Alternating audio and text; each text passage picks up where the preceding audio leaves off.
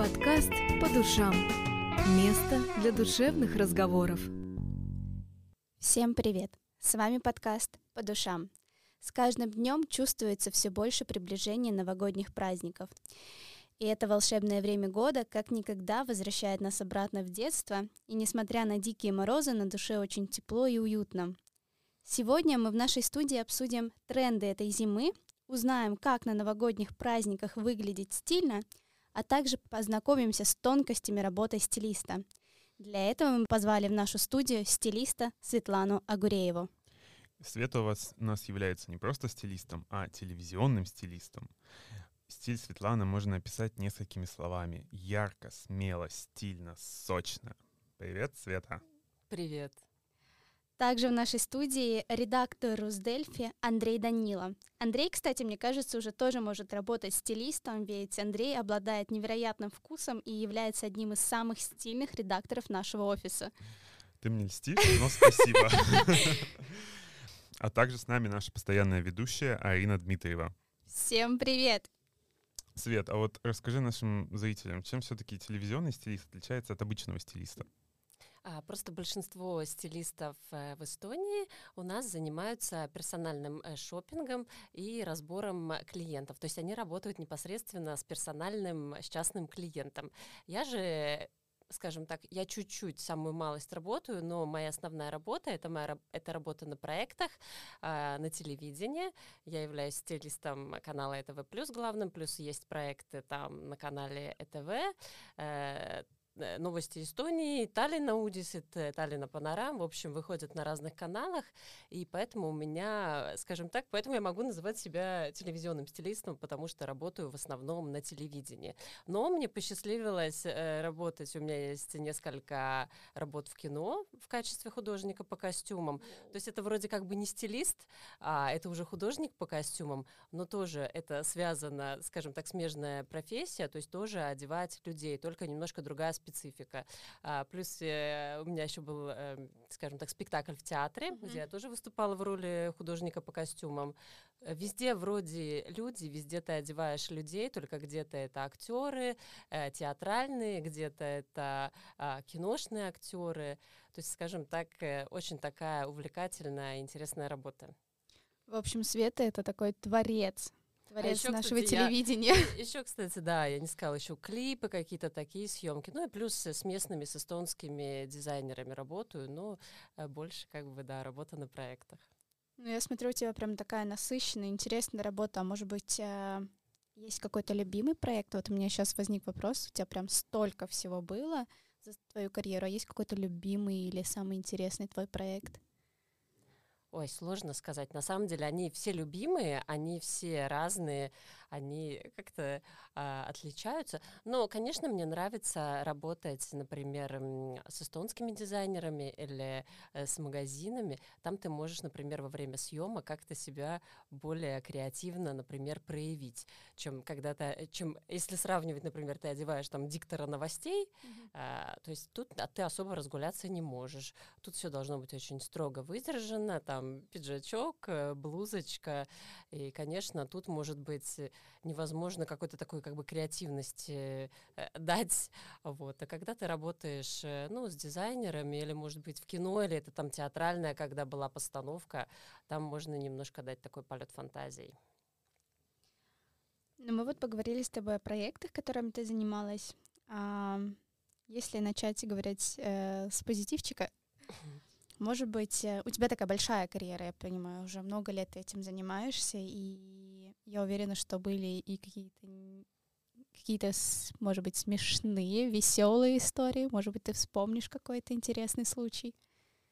А, с телевидением на самом деле такая история, э, что есть своя специфика. Э, камеры, когда снимают, э, например, одежда, которая в какой-то мелкий очень узор, это, например, мелкий горошек, это мелкая клеточка, мелкая полосочка, она недопустима, потому что она в кадре стробит, если русским языком понятным, ребит, и это в кадр не допускается. Понятно, ведущих одеваю я, я этот вопрос уже как бы знаю, контролирую, но иногда бывает, что приходят гости, э, которых, например, может быть, редактор до них не донес эту информацию, либо они не поняли или забыли. И было, например, да, случай у нас, когда гости приходили, и и ты судорожно начинаешь думать, хорошо, например, что я на месте, потому что, например, на утренние эфиры я не прихожу. А, но был эфир, когда я была на месте, и, и пришел известный эстонский, а, скажем так, а, стилист по волосам Денис mm-hmm. Коваленко. Он пришел в очень ярком каком-то а, пиджаке, но он был а, где-то в мелкую клеточку, которая ребила, и режиссер сказал, срочно надо что-то менять. Но, конечно, я что-то ему нашла, э, пиджачок э, ведущего, который был, наверное, на два размера меньше, серенький, такой скромненький. Э, мы его, конечно, Денису надели. Денис сидел, ну, понятно, человек это как бы привык э, как-то так ярко очень так э, одеваться. Конечно, ему было немножко некомфортно, он сидел так жался, потому что пиджачок у него как бы еле, скажем так, застегивался ну, я не знаю, насколько это как бы смешно, просто вот такие, да, такие случаи бывают. Поэтому, если кого-то из тех, кто нас слушает, э, приглашают на телевидение, имейте это в виду. Никаких мелких э, рисуночков, э, полосочек, точечек и квадратиков, и вообще клеточек. То есть вот это сейчас новый, мне кажется, уже не новый тренд, а из прошлого тренд, вот эта гусиная лапка. Да, она тоже такая. Мы отказываемся от нее. Да, она тоже такая достаточно мелкая, все-таки на телевидении не очень хорошо такое надевать, да. Зато мы теперь знаем, как саботировать любые съемки. Да. Ну да. Слушай, наверное, сейчас уже многие знают, кто такой стилист и чем он занимается. А задают тебе до сих пор всякие глупые вопросы про твою работу? А даже бывает, иногда задают не мне, а последнее время я стала сталкиваться, что э, спрашивают у моей мамы. Э, мама у меня живет в Идовирума, соответственно, там публика может быть такая менее просвещенная, и иногда какие-то знакомые, ой, а не вашу ли дочку я видела по телевизору? Ой, ну я смотрю каждый день, вот ведущий, вот Лена Соломина, вот они сидят в разной одежде. Это все Светочка сама шьет?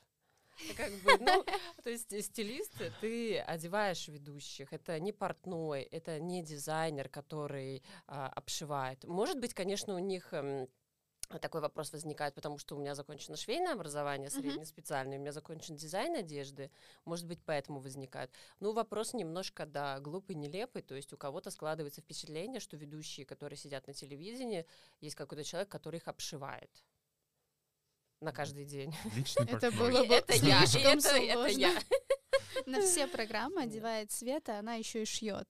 Это было бы невероятно. Да, вот как-то путают немножко стилиста, да, с дизайнером или, да, с каким-то спортным. Вот такое заблуждение есть. Ну, мне кажется, это просто за счет того, что, ну, сама профессия стилиста, она появилась не так давно. Если раньше, да, это были швеи и портные, и как бы они выполняли все функции, то сейчас появилась отдельная возможность для людей, которые хотят именно создавать образ для человека, поэтому у некоторых еще не сложилось понимание. Мне кажется, это с этим как-то связано. Э, может быть, да. Я тоже так думаю, что, наверное, просто как э, для, скажем так, вот это стилист, скажем так, как в общедоступном, да, понятии он стал, да, относительно недавно, скажем так, для, для простого народа mm-hmm. доступен. И появилось последние года очень много, на самом деле, у нас в Таллине э, девочек, которые выучились. Но единственное, конечно, мне кажется, что это такое очень поверхностное, когда ты закончил курс, там, я не знаю, полугодовой, а, как-то, не знаю, все-таки важнее, если ты одеваешь красиво себя, стильно, это не значит, что ты можешь одевать другого, потому что все-таки важна практика, важен опыт. И, ну вот, например, в моем случае у меня закончено э, швейное образование. То есть, например, не всегда же в магазине можно найти и сто процентов э, подобрать э, ту одежду, которая, э, ну, вот, отвечает прям фигуре на 100%. Mm-hmm. Но бывает, на самом деле, вот, например, где-то по груди сидит, а тут вот, может быть, чуть-чуть укоротить или еще что-то. Человек, у которого нет швейного образования, он, например, как бы не совсем понимает, можно это сделать или нельзя.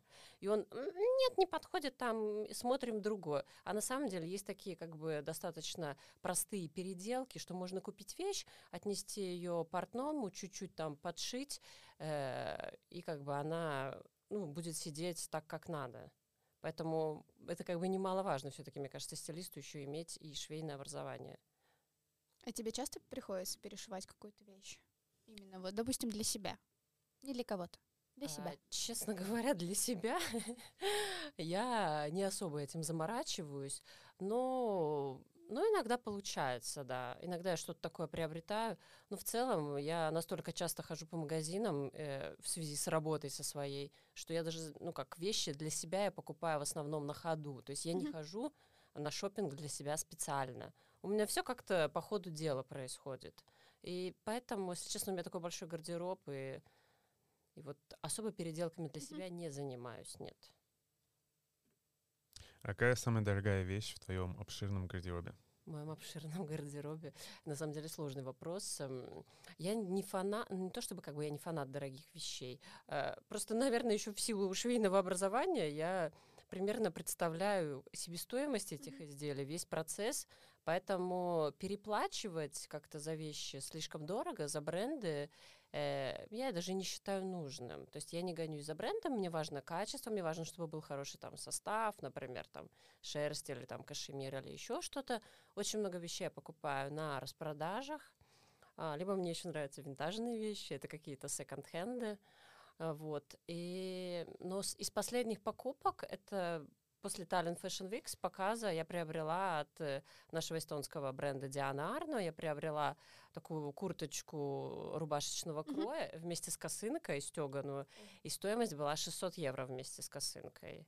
Wow. Ну, как бы, ну, тоже на самом деле относительно. Кому-то дорого, кому-то дешево. То есть у всех понятие, скажем так, вот высокой цены разное. Все-таки у всех у нас разный достаток. Но для меня пока что это выглядит очень дорого. Ну, если учитывать это цены, пока что. Если учитывать цены на наш эстонский дизайн, то это, в принципе, средняя цена такой вещи. Ну, есть, да, бренды эстонские, есть у которых чуть-чуть как бы ценник пониже, есть у тех, кто подороже. Ну, например, вот что касаемо Дианарн, все-таки там и как бы качество соответствует, ну, примерно цене, то есть качество хорошее.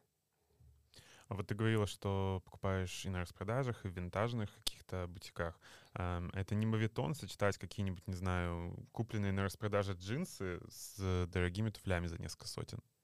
Нет, если честно, это давно уже не мувитон. Я не знаю, мне кажется, лет э, 5-7 так точно. Это наоборот даже, скажем так, хороший тон, когда ты можешь э, в одном комплекте замиксовать какой-то люкс, э, масс-маркет, middle-маркет, ну, э, как-то, то есть это на самом деле ценится, и давно уже даже всякие там и светские львицы, и популярные блогеры носят и Зару, и H&M, и сочетают с какими-то там дорогими люксовыми сумками, Поэтому это на самом деле очень круто, если ты умеешь это все сочетать в одном комплекте. Если честно, очень удобный тренд, наверное, для всех и, и очень э, хороший для кошелька. а, Приятно. Какие, например, тренды сейчас модные, но которые в Эстонии публика еще не готова воспринимать? А, ну, например, э, вот сейчас приходят на смену 90-м, приходят нулевые, mm-hmm я думаю, мы как раз такое поколение, которое их помнит. Эти э, джинсы с заниженной э, талией, очень низкой, эти какие-то широкие ремни с большими ужасными пряжками, это какие-то полупрозрачные сетчатые вот эти вот топы это какие-то вот кроп-топы, то есть то, что у нас открывает талию. Не знаю, мне кажется, это, может быть, у подростков это сейчас как бы приживется, эти нулевые, но все-таки даже уже я вроде не такая взрослая, но мне 34, но я уже не могу себе такое позволить, потому что такие слишком как-то голенькая. А, ну вот нулевые, я думаю, что у общей массы не приживутся. Например, этой зимой еще очень популярны стеганые, такие как пуховик, такие, mm-hmm. например, брюки очень такие широкие, очень объемные. Ну, это тоже такой тренд, мне кажется, более подиумный или какой-то инстаграмный. Э, я не представляю, да, что по, по таллинским улицам ходили люди вот в таких вот э, дутых стеганых штанах. А еще, кстати, балаклавы. Э, что такое балаклава? Э, балаклава, ну, по сути дела, это как такой, знаешь, носок на голову а, с да, да, прорезью да, да, да. для головы. На самом деле, учитывая наши морозы, в принципе, удобненько, но, опять же, она настолько а, облегает голову, что если у тебя худое лицо, у тебя ярко выраженные какие-то скулы, э, у тебя красивой формы голова, да, тебе это подойдет. Но ну и опять же, мне кажется, вот ты такую балаклаву надела, если ты идешь погулять, нормально. А если ты идешь, например, там до работы, ты пришел, ты ее снял, и что на голове? У тебя все, все э, волосы к голове прилипли или еще наэлектролизовались. Mm-hmm. То есть, э, скажем так, эм, такой не очень, может быть, удобный тоже тренд. Я помню, у меня в детстве была такая кислотно-зеленого цвета вот такая вот балаклава, и здесь были еще какие-то пумпончики, пять штучек, по-моему, было, это было так забавно. Ну вот, ты знаешь, зеленый цвет, кстати, очень актуален сейчас. Тебе нужно отыскать эту вещь. Ой, я да. боюсь, ее уже нет. И отдать Андрею. Андрей уже на очереди. А я Если я найду, дум... я принесу. Я как раз на этой неделе думал, что мне нужна балаклава, потому что было ужасно холодно. Ой, да, погода, конечно, в этом году нас просто повергла в шок. И я пошла... Э, у меня с прошлой зимы не остался пуховик. Надо купить пуховик. Пошла я, значит, по магазинам ходить. И я перепсиховалась, я переплевалась. Все они как на одно лицо. Они все огромные, они все дутые, и, и они все черные. Они, они все черные, либо они белые и выглядят стрёмно, и супер-мега длинные. И когда я надеваю на свой рост, мне метр шестьдесят, мне кажется, это все так неуклюже смотрится. И я перемерила их десятки, и мне ни одного не понравилось. Что делать в этой ситуации? Я не понимаю, как подобрать правильно пуховик на зиму. А, ну, да, к сожалению, в моде у нас э, оверсайз так и продолжает главенствовать, поэтому с этим ничего не поделаешь. И как раз-таки вот именно длинные, да, пуховики в моде. Поэтому, ну что, можно просто, может быть, посмотреть более ну, такие короткие модели. Mm-hmm. То есть, например, если рост метр шестьдесят, конечно, э, длинные модели, да, может быть, будут смотреться слишком такое, как, как одеяло, как одеяло, скажем так. Да, да, да. Но с другой стороны, ну, как бы оверсайз в моде, либо ты на это чихаешь на то, что он не может быть, скажем так, эм, очень сильно красить, да, это оверсайз. Вот эти пуховики, они как одеяло. Либо ты следуешь моде, либо mm-hmm. ты хочешь выглядеть э, красиво. Но на самом деле не только же есть пуховики. То есть, может быть, э, может быть, можно там приобрести шубу посмотреть, или, может быть, шерстяное пальто какое-то. Mm-hmm. И, в принципе, если подобрать правильно как бы одежду под низ, да, например, под шерстяное пальто, например, продают э, жилетки такие, э, как этот самый пуховые. Mm-hmm. Можно, в принципе, поднадеть жилет жилетку, можно, например, какой-то там кашемировый свитер или шерстяной, не знаю, там термоколготки, э, термобелье, и, в принципе, не будет на самом деле так холодно. То есть если до, там доехать до работы, даже без машины, на автобусе, то как-то, мне кажется, можно обойтись. Потом дубленки, на самом деле, тоже они сейчас Я, кстати, очень... тоже померила, вообще не, не мое. Ну, то есть, говорю, тут реально стоит выбор, либо быть модной, но выглядеть при этом неуклюже, это страшно, так, мне а кажется. Так, так зачастую на самом деле есть. А, что, что как бы ты выбираешь, либо ты следуешь моде и выглядишь, может быть, как бы нелепо, либо ты все-таки подбираешь что-то, ищешь какой-то стиль и подбираешь что-то для себя. Конечно, в наших, может быть, местных магазинах, да, не такой большой выбор, поэтому ну, онлайн шопинг. Э, в помощь. Да, онлайн, по, э, да, шопинг в помощь. И смотреть просто, да, относительно своего роста, может быть, тогда выбирать модели короткие. Все-таки пуховик короткий. Либо становишься фрилансером и уезжаешь на зиму в Таиланд. Прекрасная идея. Ну, кстати, э, у нас же есть возможность работы э, с, из дома, поэтому поехали все вместе. Да, да хоть сейчас. У меня нет такой возможности. Тогда мы оставляем Свету тут. Да, я остаюсь в Эстонии. Слушай, эм, что ты думаешь, лучше иметь какой-то свой личный персональный стиль или все-таки одеваться по новейшим модным тенденциям? Я думаю, что, конечно, иметь свой стиль, а, потому что за модными тенденциями все равно угнаться невозможно. Э, ну и опять же, а, то есть они, э, вот эти все модные тенденции, они же не для всех. А, их много, они разные, но каждый может взять что-то, может быть, всего лишь одно, потому что то, что нам диктует подиум, э, мировые подиумы, ну, зачастую это реально, это такие больше, не знаю, инстаграмные какие-то, mm-hmm. может быть, такие тренды. Поэтому, конечно, искать свой стиль, это не просто, это не быстро, но, но это лучше, это правильная дорога. Ну вот связан с этим вопрос, что вот опять же тренды очень быстро меняются, и раньше ты покупал, например, какое-то пальто, и оно у тебя, в принципе, на года. А сейчас так, что один год ты купил это пальто, а следующий год сезон все, как бы это уже не модное. И что делать в таком вот мире, когда постоянно меняются тренды? Неужели нужно каждый год покупать э, на, на сезон каждый раз новые вещи? Э, на самом деле не нужно, и я бы не сказала, что так прям вот э, а, быстро меняются.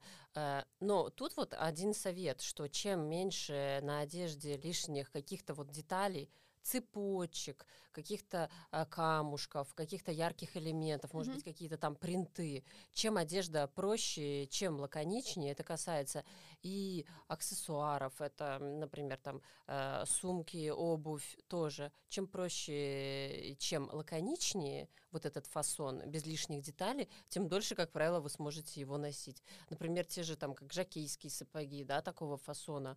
Ну, я не знаю, насколько они лет я сколько помню, наверное, лет семь, так они, по-моему, актуальны. Mm-hmm.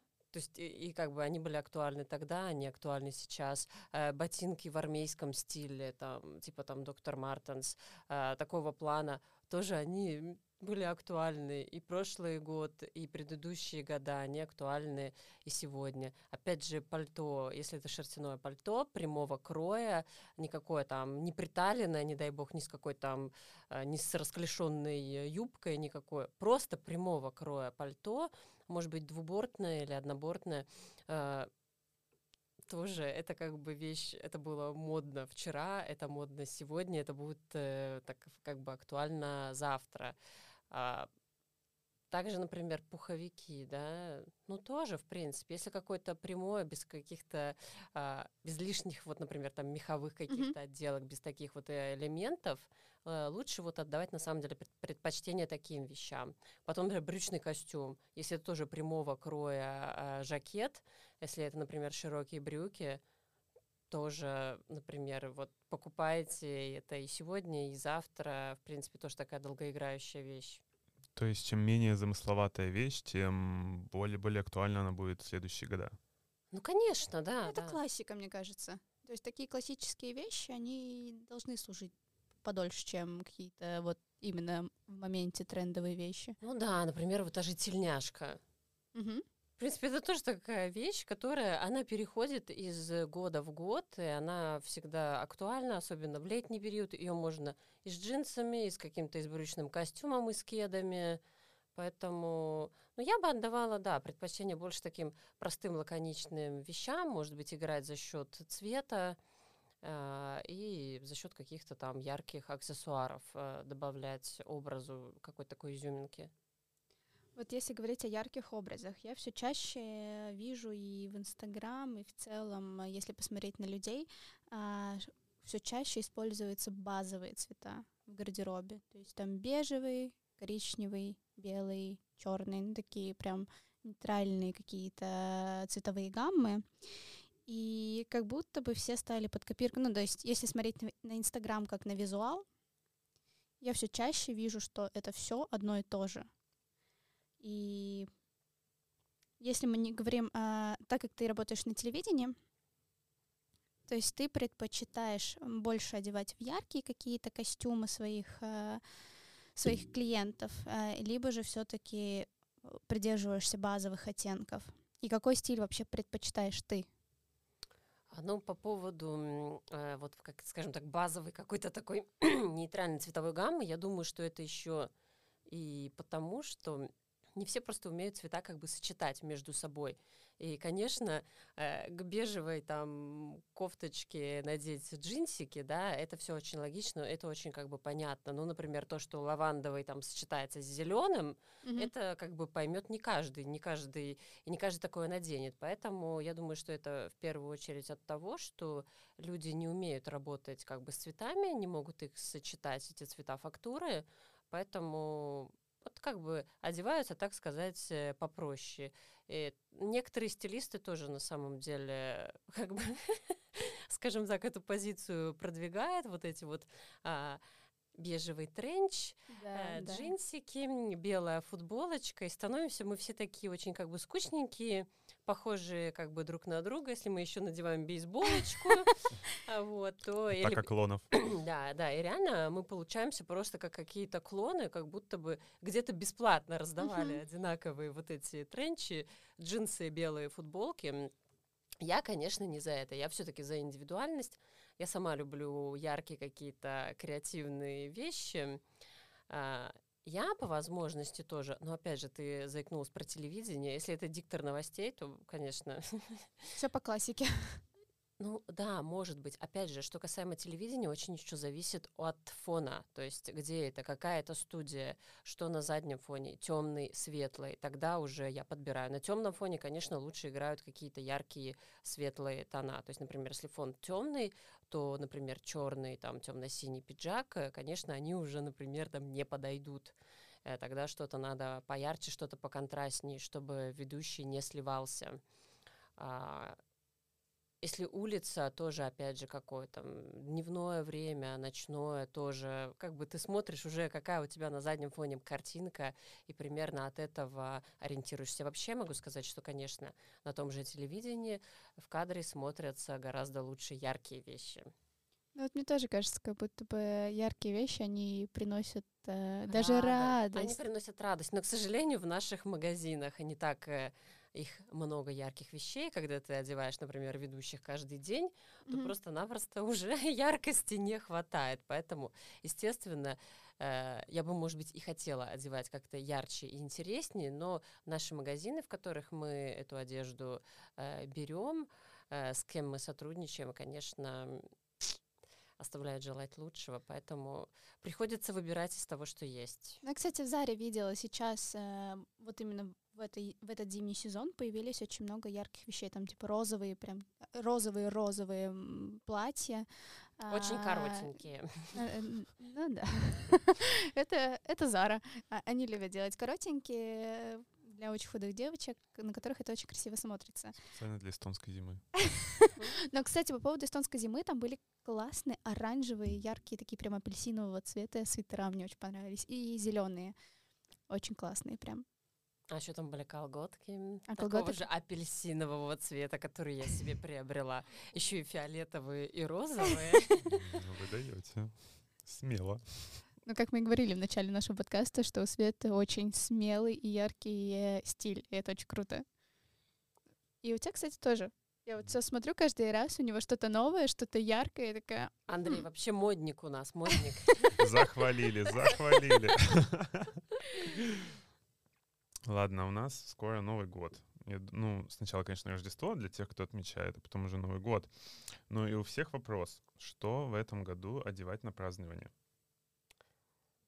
Это вопрос э, к стилисту или к астрологу. Стилисту. Обычно очень часто а. Новый год э, а, Э, обычно там еще идет какая-то как бы астрология, потому что у меня, как у стилиста, у меня нету э, каких-то вот как бы ограничений там по цветам, еще что-то. Обычно тут идет какая-то астрология немножко вмешивается, что это год, по-моему, э, Тигра. водяного, да. водяного, по-моему, то ли черного, то ли голубого, я так и не поняла точно. А, мне мама моего жениха говорила, что год водяного тигра, и нельзя, по-моему, красный использовать. Вот, красный Но вот э, тигр, он же сам такой, он получается как такой э, оранжево-рыжо-оранжево-черный, вот поэтому астрологи, я сейчас за астрологов говорю, они рекомендуют, чтобы угодить эм, тигру, надевать вот либо вот в такой окрас, может быть, что-то золотое, поскольку он водный, то приветствуются все оттенки синего, голубого, э, черные, вот оранжевые и золотые.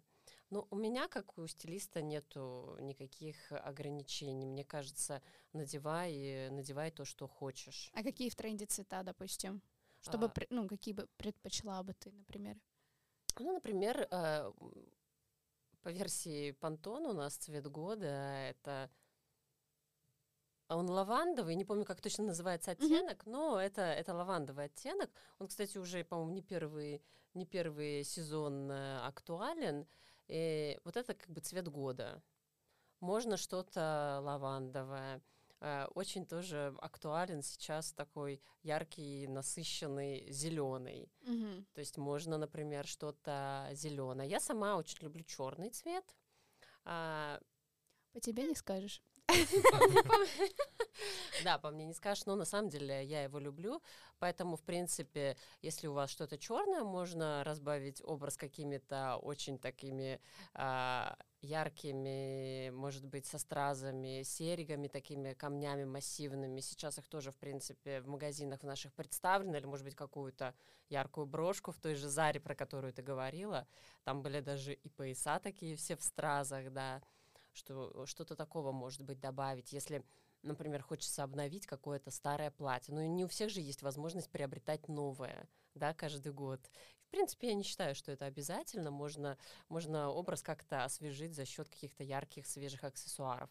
Страусиные, например, перья сейчас очень актуальны. Может быть, у кого-то завалялось где-то буа из страусиных перьев. Тоже можно, например, либо там к рукавам платье Мгм. пришить, либо просто, например, э, накинуть на шею. Тоже очень классно будет. В общем, а, можно экспериментировать, как вашей душе угодно. Ну, конечно, это же как бы это Новый год. То есть ярче, чем новогодняя елка, ты все равно не будешь. Поэтому, мне кажется, у меня нет никаких ограничений на этот счет. Вообще, Света дала всем добро э, одевать что угодно, придумывать что угодно, дать полет фантазии и наслаждаться праздником. Да, да. Э, Потому что говорят там что-то, как будто бы нельзя, ну, желательно что-то новое надеть. а, и какие-то вот такие а, дурацкие предупреждения, что а, как Новый год встретишь, так его и проведешь. На самом деле, Новый год, как и новый день, как и свою жизнь, ты проведешь так, как ты этого захочешь.